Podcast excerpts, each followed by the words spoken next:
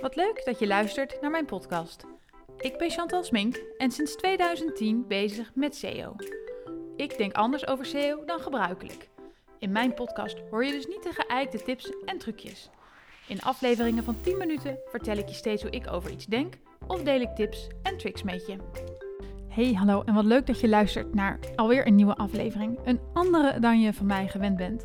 In deze aflevering ga ik namelijk in gesprek met Don Vermeer, ex-CEO van Omoda. En in die hoedanigheid ben ik benieuwd wat hij geleerd heeft in zijn tijd bij Omoda, welke learnings hij met ons kan delen, maar ook welke kansen hij ziet voor iedereen die niet zo'n grote speler is als Omoda.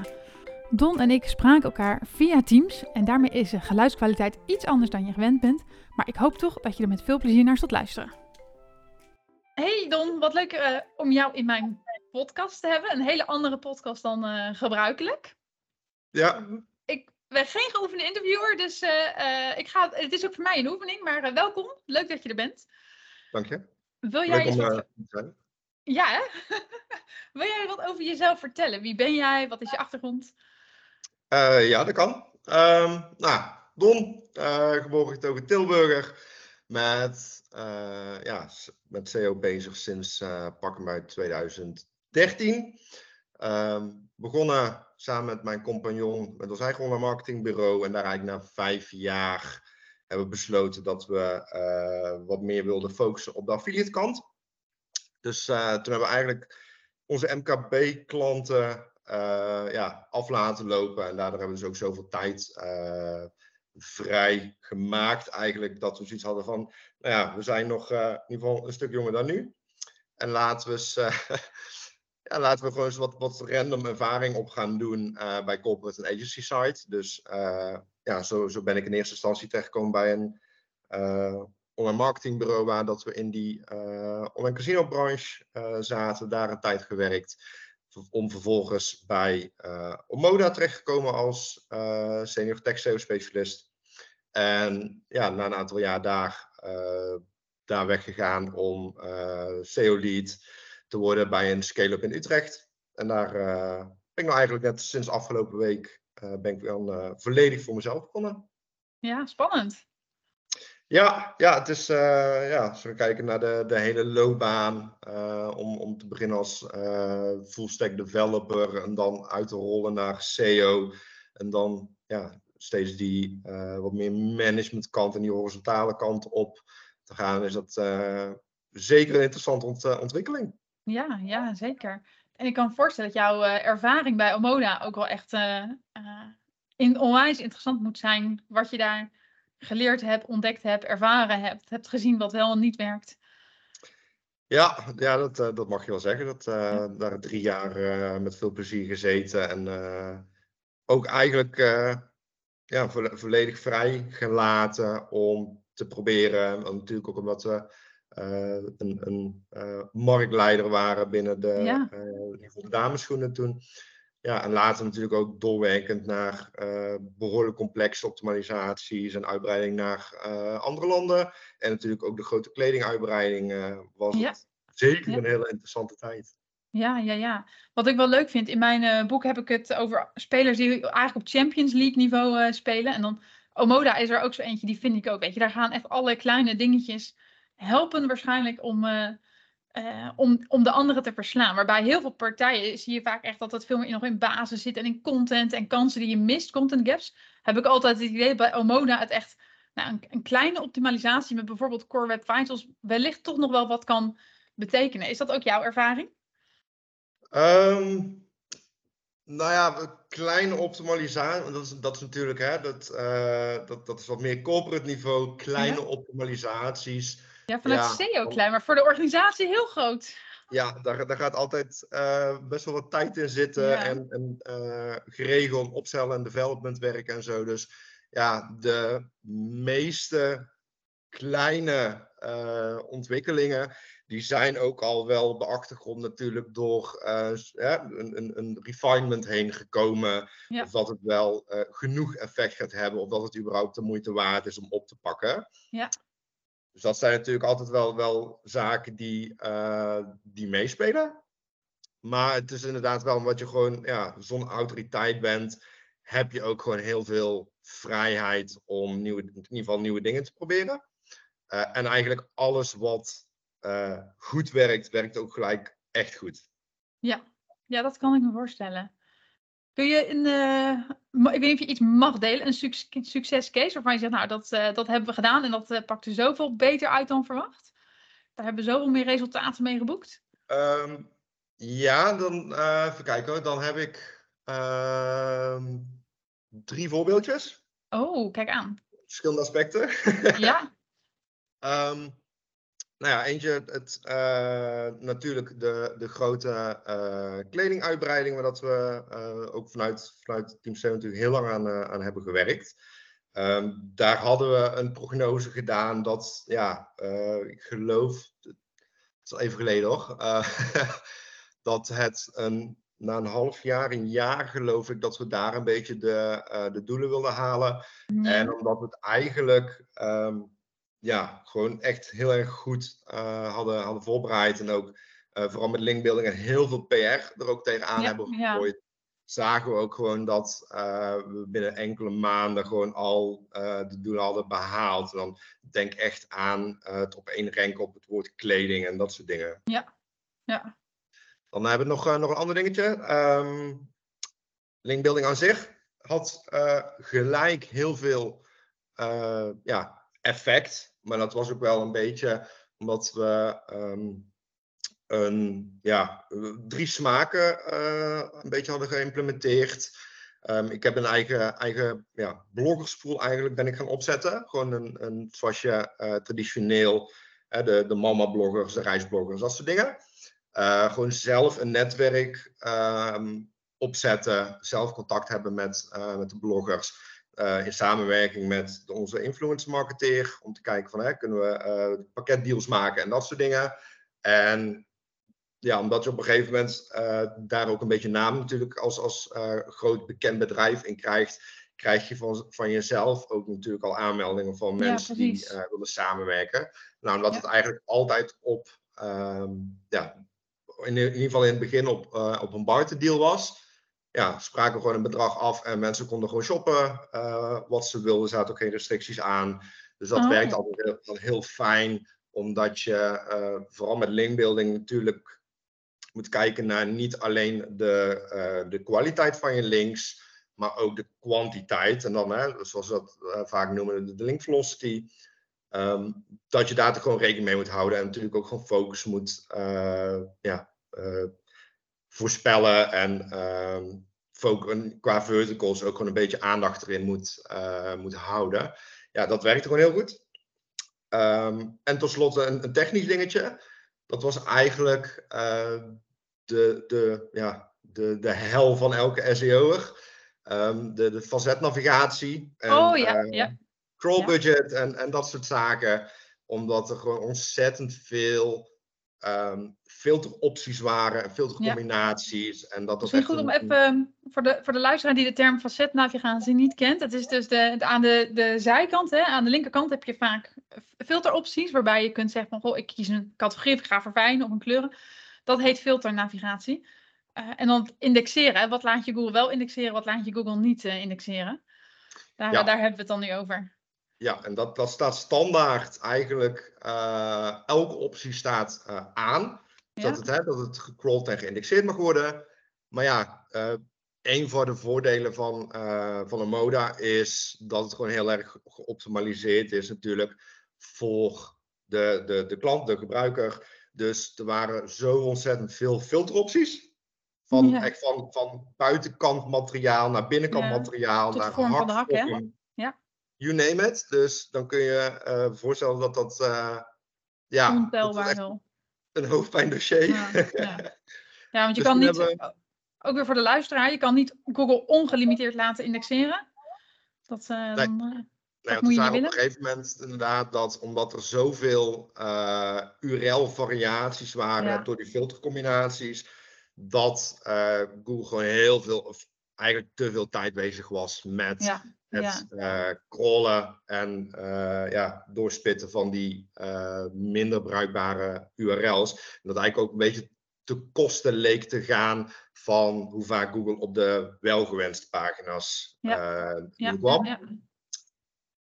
Dus daar hebben we toen eigenlijk ehm, ja, in samenwerking met eh, de, de, de agencies eh, waar we dan mee samenwerken, hebben we dan bedacht dat we die eh, links, in ieder geval die filteropties die we dus niet wilden eh, laten eh, crawlen en indexeren, dat we daar dus een eh, encryptie op, op gooiden. Ja, Nou, voor de, voor de, voor de kenners is dat, was dat Base eh, 64. Dus dat we eigenlijk konden bepalen welke links wel en niet openbaar waren, zeg maar, in de, in de broncode. Dus Ja. voor de links die we dus niet wilden laten zien, werd dat gewoon een, een, ja, een random nummerreeks. Was ook geen aref, dus ook geen link. Nee. En eh, voor de pagina's die we dus wel wilden, kregen die gewoon de traditionele URL en eh, ja, de, de navigatieparameters ja, precies. dat, dat is echt een hele toffe, hele ja, eh, zware implementatie, om het zo even te zeggen. Ja. Daar zit ontzettend veel haken en ogen aan. Ja, dat, ik ken ook dat- webshops die daar echt, echt op vastlopen en op stranden. En ik had zelf heel lang één zo'n zo'n webshop. Daar was het of alles of niks. Nou, Ja. alles wil je niet, niks wil je ook niet. En dan is er geen combinatie daartussen mogelijk, omdat de webbouwer dat niet kan faciliteren. Ja, dat is natuurlijk echt een hoofdpijndossier dat je heel veel potentie mist om vindbaar op te zijn. Ja, precies. En vooral omdat je eh, altijd zelf de controle wilt behouden op ja, wat je wel en niet wil laten eh, indexeren. Omdat ja, van de ene kant zit je natuurlijk op het stukje UX en, en eh, natuurlijk ook, ook CRO. Omdat je wel ja, de gebruiker zo goed mogelijk wil laten eh, navigeren door die website en filteropties toe wil voegen.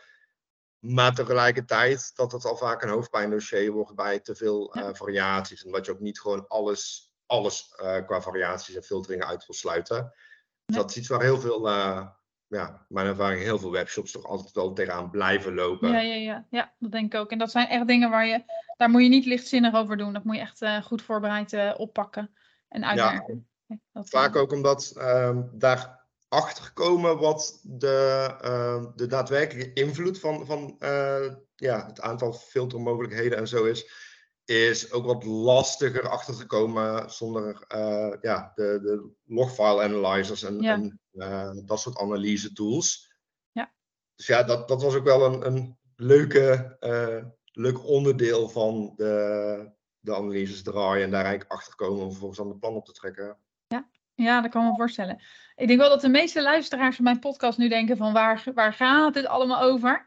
Eh, maar dan heb je het echt over dingen die natuurlijk in hele grote webshops eh, spelen. Hey, wat ik benieuwd ben, hè? jij zit vanaf dan 2013 in het eh, vak. Hoe heb jij SEO de afgelopen tijd zien veranderen? Ja, eh, net, net, net zoals iedereen, denk ik. Het, eh, het, het stikt ook van de hypes natuurlijk. Wat vind jij een Ehm, hype?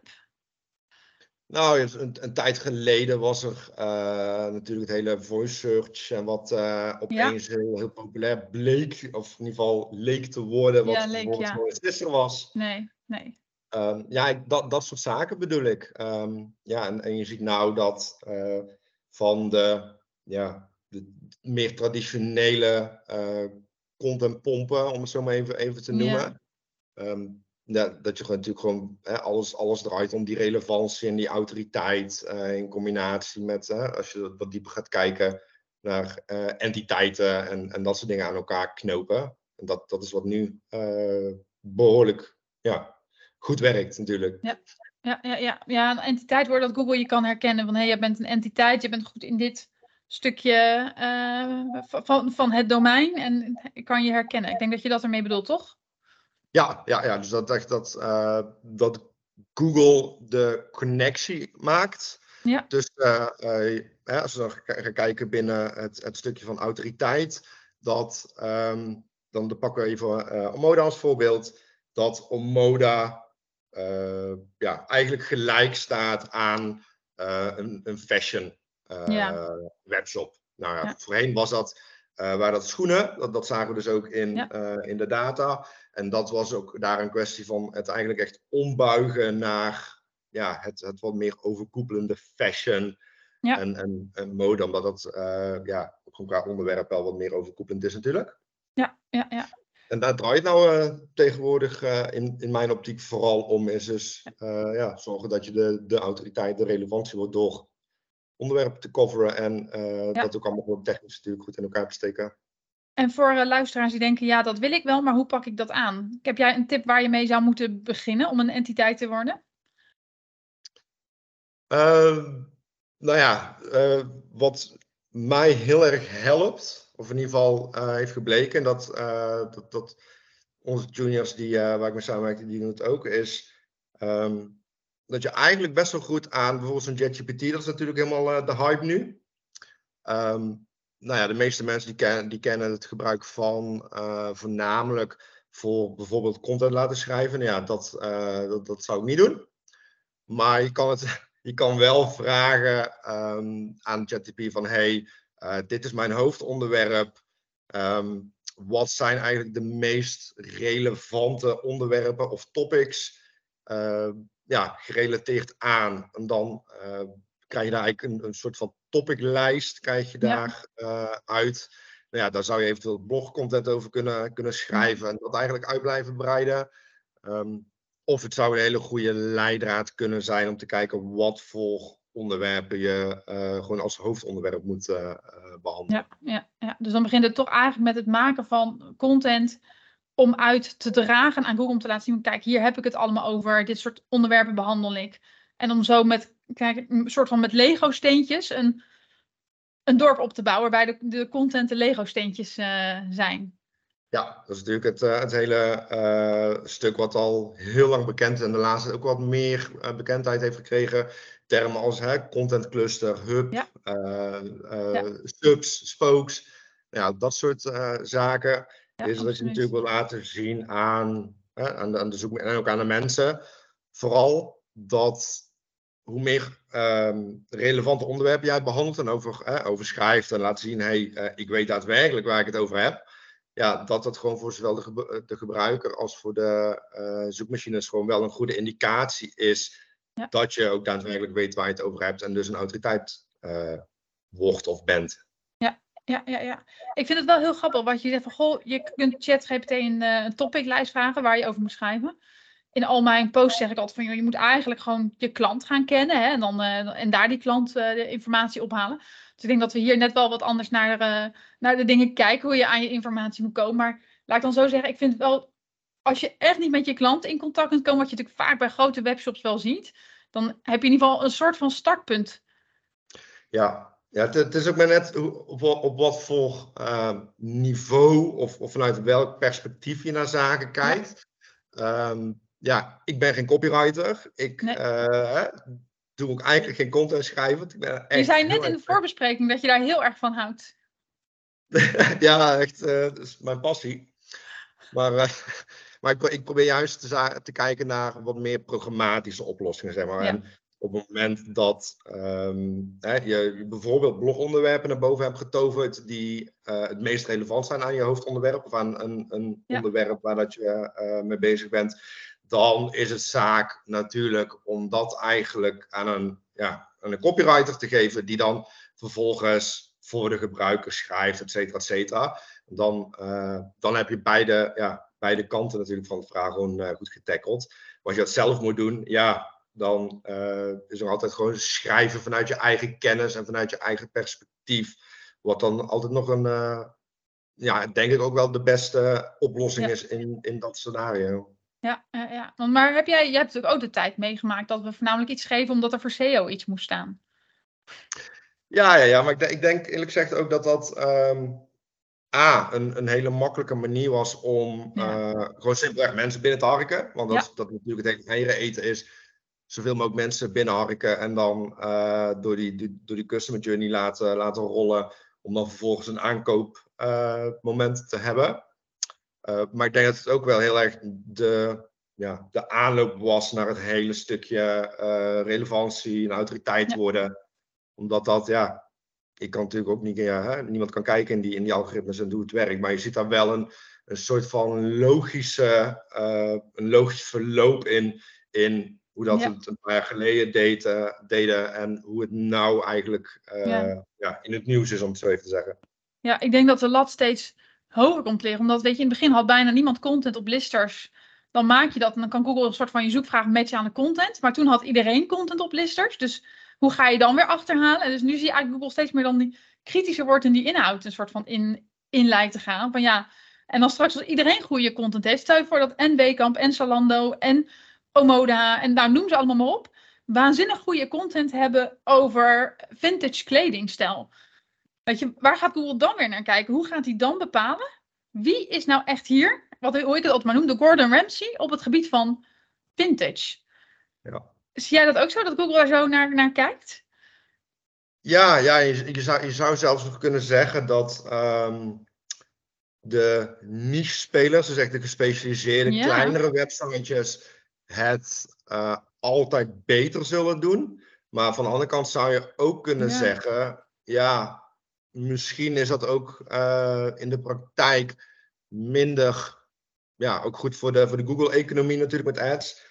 Op het moment dat zij de grote spelers wat meer buitensluiten, uh, ja, omdat die grote spelers natuurlijk ook wel gewoon hele grote ja, entiteiten zijn die veel grotere selectie aan items hebben. Dus het, ja, je kunt op verschillende kijken. Ja, ja, ik vind het heel lastig. Ik vraag me soms, stel je voor dat ik morgen alleen maar pumps zou gaan verkopen. En die wordt echt de pumpspecialist van Nederland.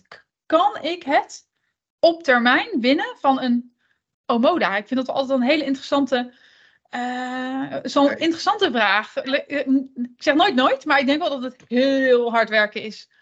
Ja, dat, dat sowieso. En dat, dat is ook iets wat uh, in de, in, bijvoorbeeld in de affiliate wereld zie je dit wel. Dat ja. die echte niche-spelers, die gewoon op, op één uh, onderwerp of één, één product of één dienst uh, focussen, dat die het toch wel nog in ieder geval vaak winnen van de, de grotere, algemenere spelers. Omdat die gewoon veel minder relevantie hebben. Omdat ze veel meer producten en ook gewoon de capaciteit niet hebben om uh, zo specifiek over één onderwerp in te gaan. Ja, ja, en ook de kennis niet. En dat vind ik wat leuker aan uh, uh, de Amerikaanse zoekresultaten. In Nederland zijn het eigenlijk allemaal listers. Zoek naar pumps en je krijgt allemaal listerpagina's waarop je assortiment staat. Maar als je in Amerika zoekt naar pumps, krijg je eigenlijk toch een heel ander soort content. Hè? Je ziet New York Times bijvoorbeeld, uh, zou zomaar naar voren kunnen komen. Of influencers die YouTube Shorts hebben of Insta. Nou, niet Insta, dat indexeert hij dan nog niet, maar TikTok. En dat vind ik heel leuk aan die Amerikaanse zoekresultaten. Dat het voor mijn gevoel iets meer kans geeft aan andere dan grote spelers. Ja, ik, denk dat het misschien ook, ook meer is omdat ze daar, uh, dat, die lopen natuurlijk altijd voorop. Dus wij moeten gewoon vooral ook afkijken van, uh, van de Amerikaanse varianten. Um, maar dat, dat ze daar wat meer die insteek gaan, gaan creëren. Uh, niet zozeer van één of twee grote spelers, maar veel meer de variatiekant op om veel meer zichtbaarheid, brede zichtbaarheid te creëren voor specifieke producten. Uh, door dus inderdaad influencers en TikTok en andere uh, social media, omdat die allemaal in verschillende context die producten dragen of, of uh, aanbieden of tentoonstellen. Ja, ja. Hey, wat ik me afvraag, hè, de, de chatbot. Hoe, ehm, hoe zie jij dat met SEO? Stel die chatbot is er morgen. Wat gaat dat voor e-commerce uitmaken voor webshops? Poef. Um, ja, dat, dat, uh, dat is een hele goeie. Dat, dat, ja, ik, ik vind dat moeilijk te zeggen, want iedereen heeft natuurlijk zijn, zijn eigen mening over. Ja. Um, want ga, gaan zij ook uh, straks meer naar één, en dat, dat zie ik ook best wel als een, als een uh, ja, potentiële optie, veel meer naar één um, van multimedia omgeving. Of in ieder geval, uh, stel we zouden over een aantal jaar uh, wat meer met VR uh, implementaties gaan, gaan doen in, in real life. Yeah. Um, ja, krijg je dan binnen zo'n chatbot gewoon nog de, de standaard opsomming? Of gaan ze image carousels of dat soort dingen uiteindelijk nog toevoegen? Maken ze het heel, um, ja, veel meer multimedia georiënteerd? Ja, dat is natuurlijk lastig te zeggen. En gewoon een kwestie van afwachten uh, waar, waar dat ze heen willen. Ja. Dus dat, dat, ja, goed, dat, dat blijft koffiedik kijken. Maar ik, ik, denk zelf dat ze wat meer die, die multimedia kant uh, uiteindelijk wel, wel op zullen gaan. Dat technologie natuurlijk ook steeds meer ja. geïmplementeerd wordt in het dagelijks leven. En, Volgens mij hebben ze gisteren uh, filmpjes toegevoegd, las ik Ik heb het zelf nog niet bekeken. Ik ben vandaag nog niet in de chatbot uh, nog niet gebruikt. Maar ik las in ieder geval dat Google nu filmpjes had geïmplementeerd erin. Van, uh, van YouTube of dergelijke? Ja, ik vermoed dat het YouTube zal zijn. Maar ik, ik moet, het, uh, ik moet eigenlijk moet ik het nog even nazoeken wat het nou, wat het nou precies is. Ja, ik denk ook dat het steeds, ja, dat is echt de, de kant die ze opgaan, dat dat gewoon een, een meer multimedia-achtige ja. omgeving wordt. Van een combinatie of een smelpot van de verschillende bronnen en uh, ja, ja dat denk ik ook. Veel meer een entertainment uh, machine dan die, uh, die blauwe linkjes onder elkaar. Ja, precies. Want stel, stel dat we hè, over, over 10, 20 jaar ehm, VR-brillen hebben, dat dat volledig is geïntegreerd in onze maatschappij, dan als, je, als je iemand een paar schoenen ziet dragen, kun je gewoon die AI-bot vragen van, yo, uh, we kan deze kopen en wat kosten ze? Ja. Ja, dan zou zo'n chatbot met zo'n multimedia-omgeving uh, natuurlijk wel, wel heel goed uh, aanslaan. Maar ja. ja, dat is natuurlijk wel ja, heel ver vooruit gedacht. Ja, dat is heel ver vooruit. Want die VR-bril, die moet echt nog wel aan populariteit natuurlijk gaan, uh, gaan winnen. Die moet sowieso wat kleiner worden, denk ik eerst. En dan, uh... Ja, maar kijk naar, kijk naar computers bijvoorbeeld, weet je. Hoe, ja. dat ze, uh, in 1980, hoe dat die dingen eruit zagen ja. en, en nu. Ja, ik weet nog wel dat als ik vroeger op straat ging spelen als klein meisje, mocht ik van mijn vader niet zeggen, ik ga naar binnen achter de computer zitten, want dan zouden mensen weten dat je een computer had. En dan kon je dieven aantrekken die de computer willen stelen. En dan hebben we het over een 386er, hè, wat we hadden staan, waar je net op kon Pac-Man of zo. Ja, ja, ja. ja, wat dat betreft veranderen tijden inderdaad. Uh, hey, wat, ik maar, uh, wat ik ook nog wel van jou wilde weten, zie, welke kansen laten veel webshops nu liggen? Waar als jij kijkt naar, en dan ben ik benieuwd, moet je het nou vragen over de grote of juist de wat kleinere webshops? Dat vind ik een lastige vraag, want grotere webshops hebben vaak wel alles gecoverd. Dus laat ik de middenlagers vragen. Dus niet de grote spelers, maar alles daaronder. Welke kansen laten zij nou liggen? Um, ja, het, het, is heel makkelijk om meer op te antwoorden. Uh, de, de, de fundering van de website, de techniek op orde krijgen, et cetera. Maar dat is vaak niet een, ja, in ieder geval voor het MKB of de kleinere partijen vaak uh, niet echt een ja, hele valide optie. Nee. Um, Waarom niet?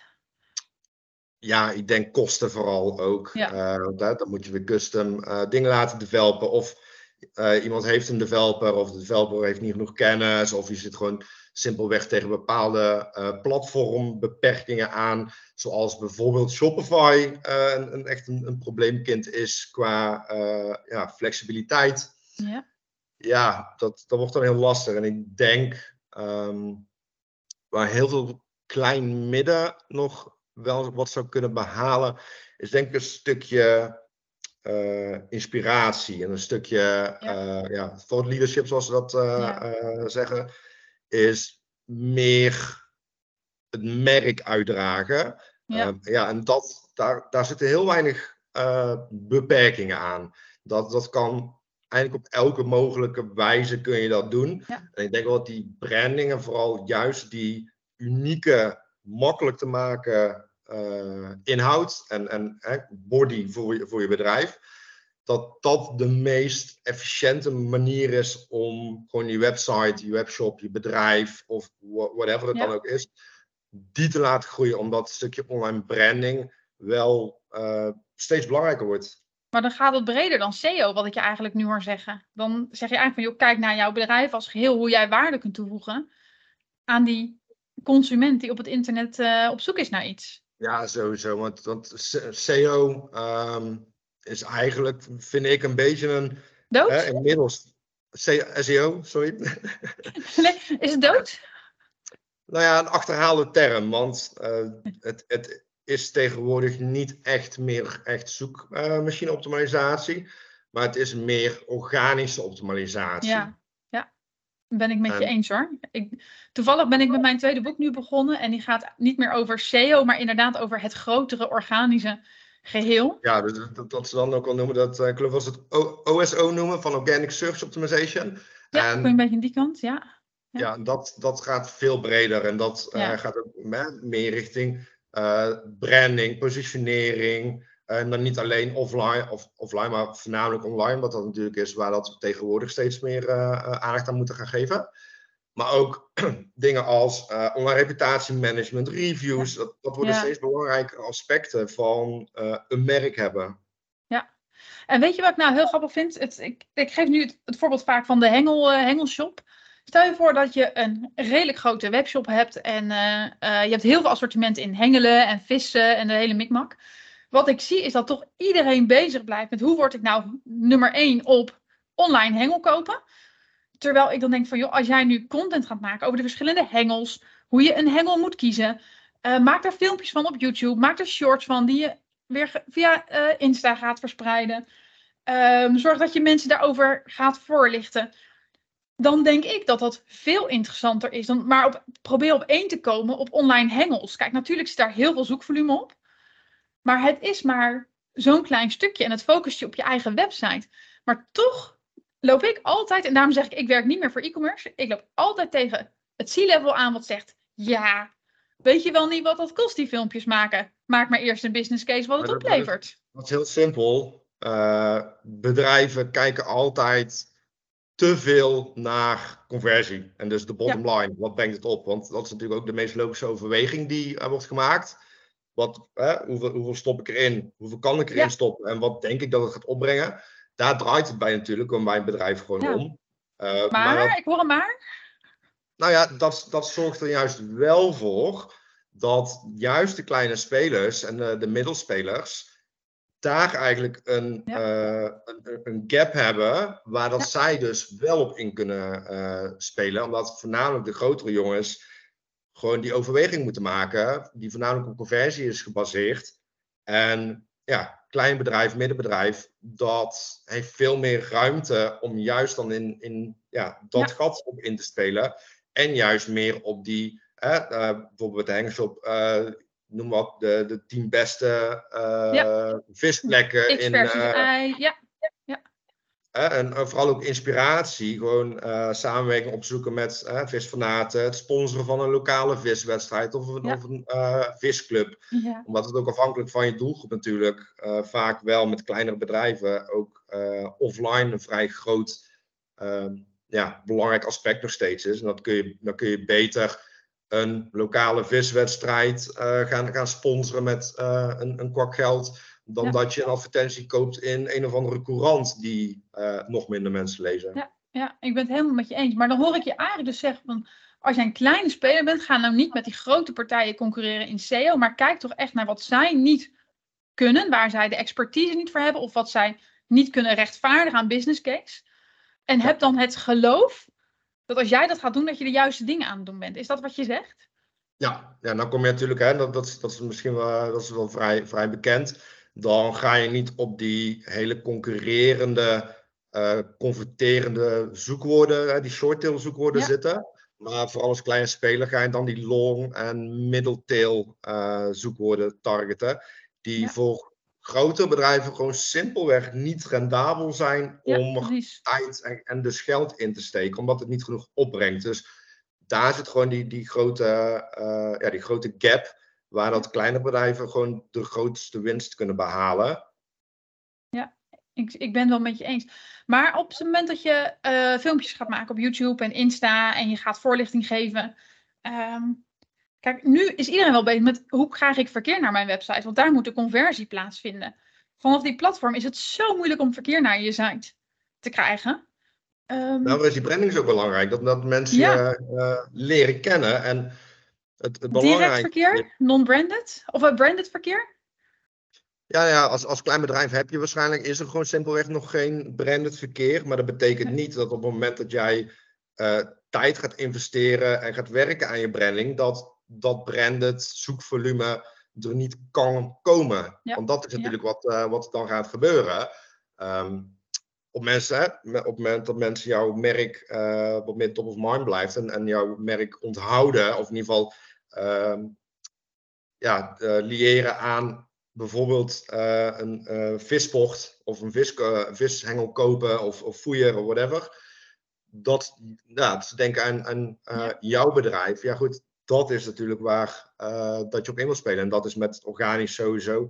Het is en blijft allemaal lange termijn strategie. Dus werken aan, aan je online merk, aan je online bekendheid. is gewoon super belangrijk. En ja, in mijn optiek belangrijker, vooral als je nog kleiner en relatief nieuw bent, belangrijker dan willen inspelen op die uh, grote zoekwoorden waar je toch het eerstkomende jaar, twee jaar uh, niet veel mee gaat doen. Ja, ja, ja, ja. ja grappig. Want ik, uh, ik vind het wel leuk hoe we eigenlijk weer op, een lijn, op één lijn liggen. Ehm, volgens mij had jij ook een vraag aan mij, want jij zei van als, ik, als we bellen wil ik jou ook een vraag stellen. Ja, ja een, een, een iets wat meer diepgaandere vraag wel. Um, Waar, waar ik zelf al vaak tegen aanloop is, uh, hè, jij bent natuurlijk een, een copywriter in, in hart en nieren. Nou, en, uh, content, hè? Ik ben eigenlijk echt een marketeer. Ik schrijf nooit teksten. Een contentpersoon uh, in hart en nieren. Ja. Um, waar ik zelf vaak mijn moeilijkheid mee heb, en dat was voornamelijk ook vanuit zowel corporate als, als agency side, is um, hoe beoordeel of toets, maak je meetbaar de kwaliteit van content. En dan, dan doe ik niet zozeer met uh, hè, je, je plaatst online, je kijkt wat de, de gemiddelde leestijd is en wat voor conversies eruit komen.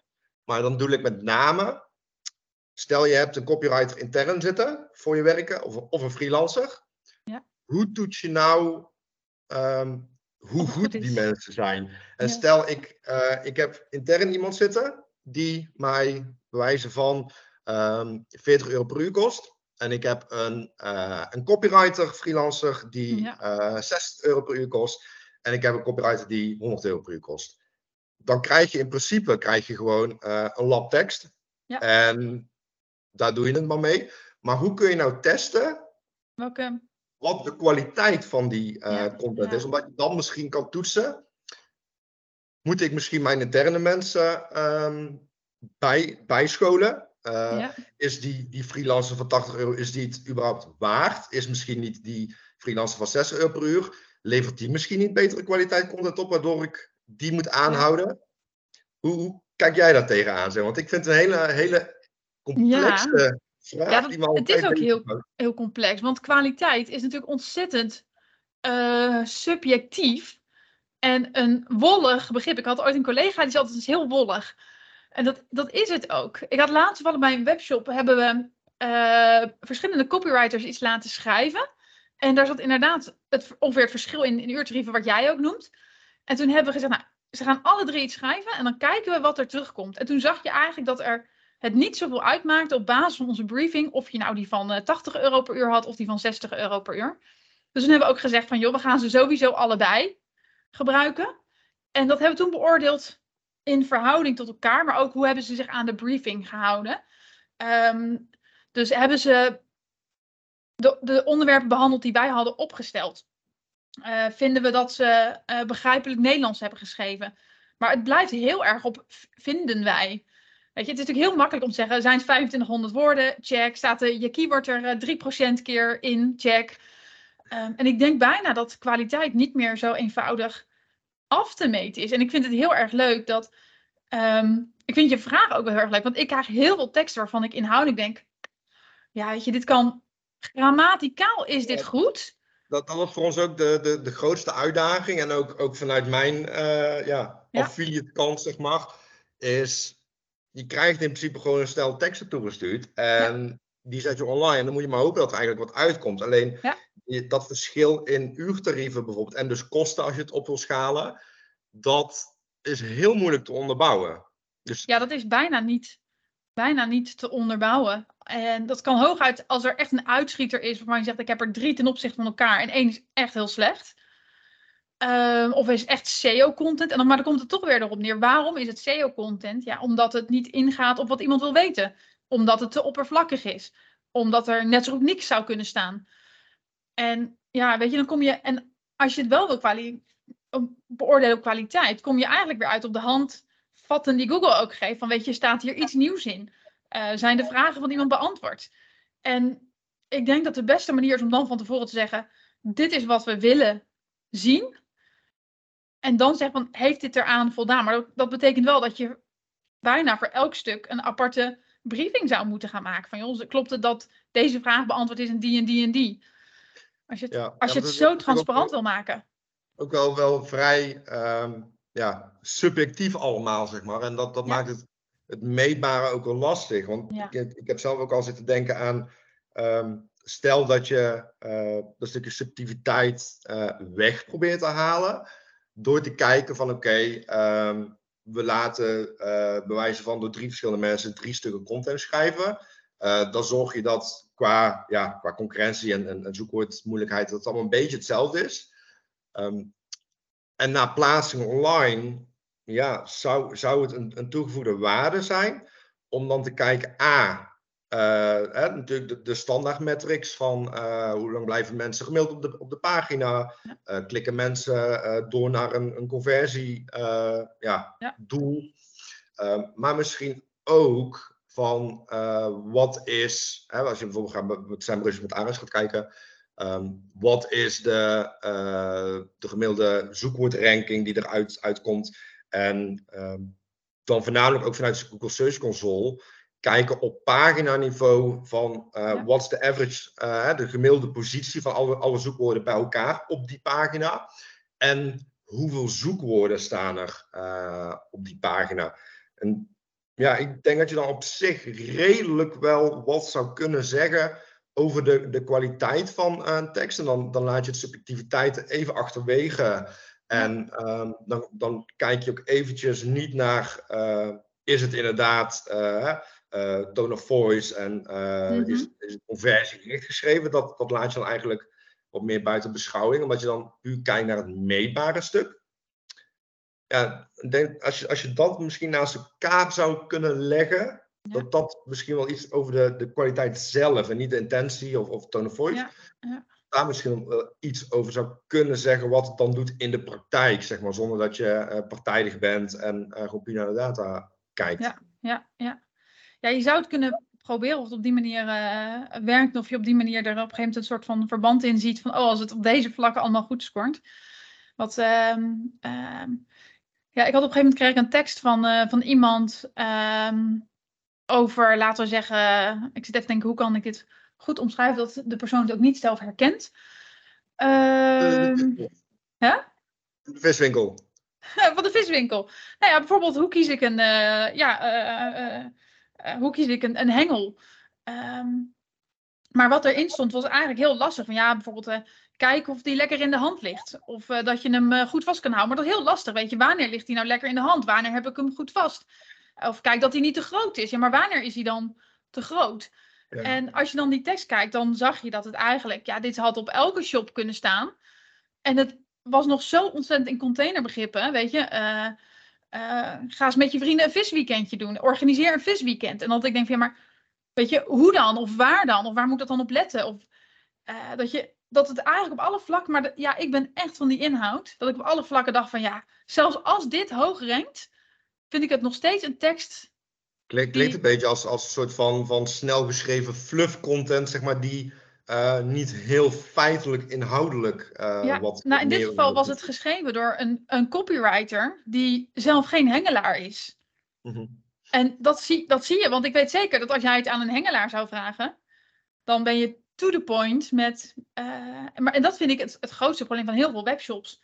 Mm -hmm. Er zijn geen mensen met kennis van het product. Nee, maar dat, dat moet sowieso moet dat een, een denk ik, een hele, uh, tenminste zo, zo, zo kijk ik ernaar, zo uh, werk ik met uh, copywriters, is dat ik wel heel erg streng ben op ervaring en affiniteit ja. met ja. Het onderwerp natuurlijk. Omdat, ja, ze moeten meer weten dan jij, hè? hebben ermee, dan is het makkelijk schrijven. Maar ja, die gaan ook maar googelen.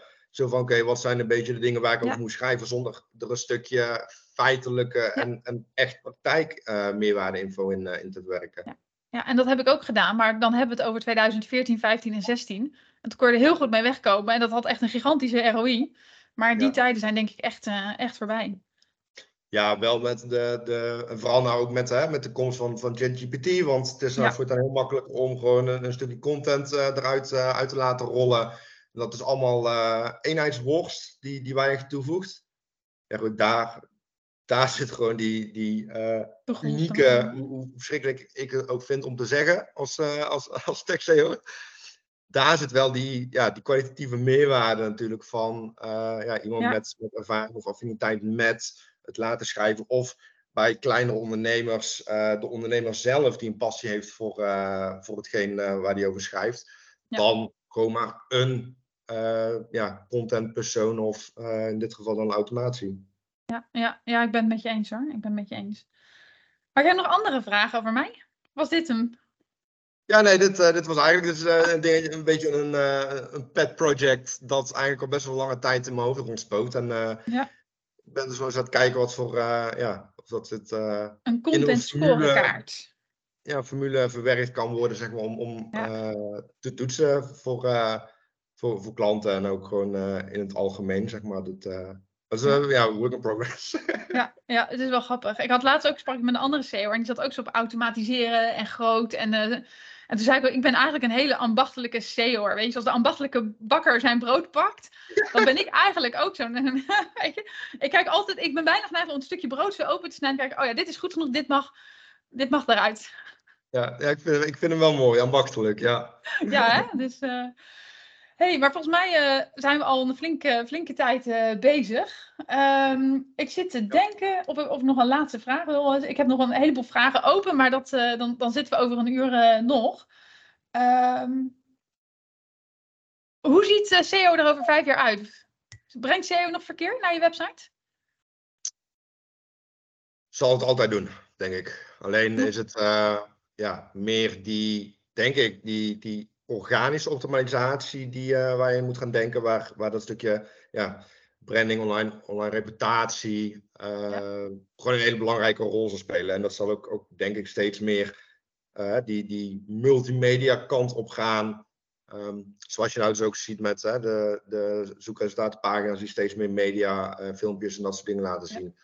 Dus je denkt er steeds meer die kant op gaan. En, en SEO zelf zal altijd een onderdeel blijven. Alleen dat, dat moet gewoon, net, denk ik, met een wat breder overkoepelendere kijk, moeten we daarmee uh, aan de slag gaan. En dan worden we ook geen, geen SEO'ers meer, maar meer gewoon uh, organische optimalisatiespecialisten. Ja, precies. Dus eigenlijk een beetje de focus verschuiven van tekst en eigen website naar andere platformen, andere media, andere vormen van content. Dat is eigenlijk wat je, wat je zegt. Ja, want als je ook gaat kijken naar hè, de, de, de hele eh, ChatGPT, BART en dat soort dingen, die, ja.